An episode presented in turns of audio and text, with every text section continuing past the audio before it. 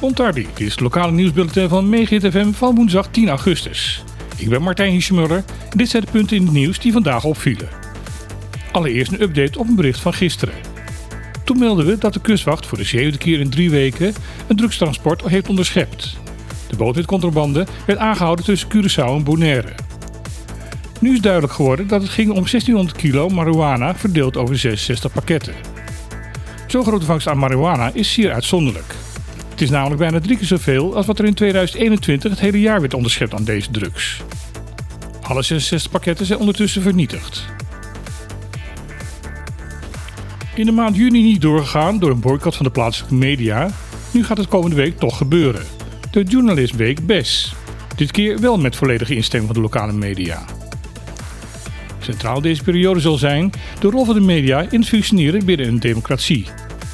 Dinsdag de 16e zal mediaonderzoeker Renske Pin de resultaten bekendmaken aan pers en publiek van het onderzoek dat zij vorig jaar heeft gedaan naar de media op de Driebeis-eilanden. Donderdag 18 augustus zal er dan een zogenaamde Docu Debate Night plaatsvinden. Hierbij kan publiek en leden van de verschillende media met elkaar in discussie over de huidige rol en de toekomst van de media in Caribisch Nederland. Vanaf vrijdag de 19e start er dan een driedaagse media pressekoekenmarathon. Hierbij gaan diverse leden van de media en aankomend mediatalent samen een uitzending maken voor het jeugdjournaal BES. Gedurende deze dagen zullen de deelnemers daarbij trainingen en workshops krijgen die gegeven worden door diverse docenten. Op maandag 22 augustus zal dan het resultaat van de marathon gepresenteerd gaan worden aan het publiek.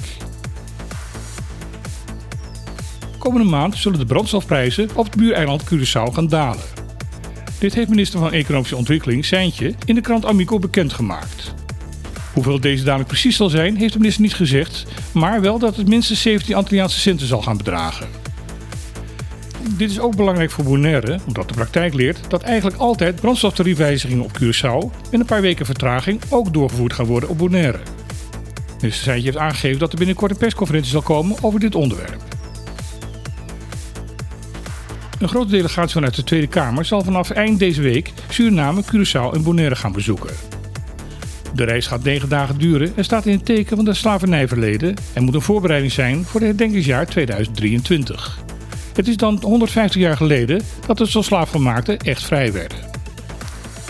Op 17 augustus zal de delegatie de herdenking van Tula bijwonen. De verzetstrijder die in 1795 een grote slavenopstand in Curaçao leidde. Opvallend is dat de VVD, de grootste fractie in de Tweede Kamer, niet vertegenwoordigd is op deze reis.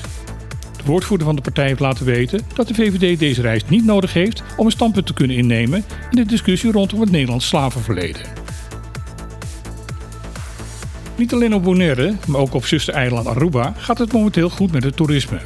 Afgelopen maand bezochten bijna 110.000 vakantiegangers het eiland en dat is 5% meer dan in 2019, het jaar voor corona.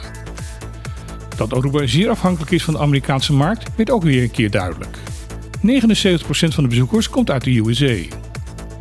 De verwachte opbrengst van het toerisme op Aruba over het hele jaar 2022 wordt momenteel geschat op meer dan 3 miljard florin. Dit was weer het lokale nieuws op Megahit FM.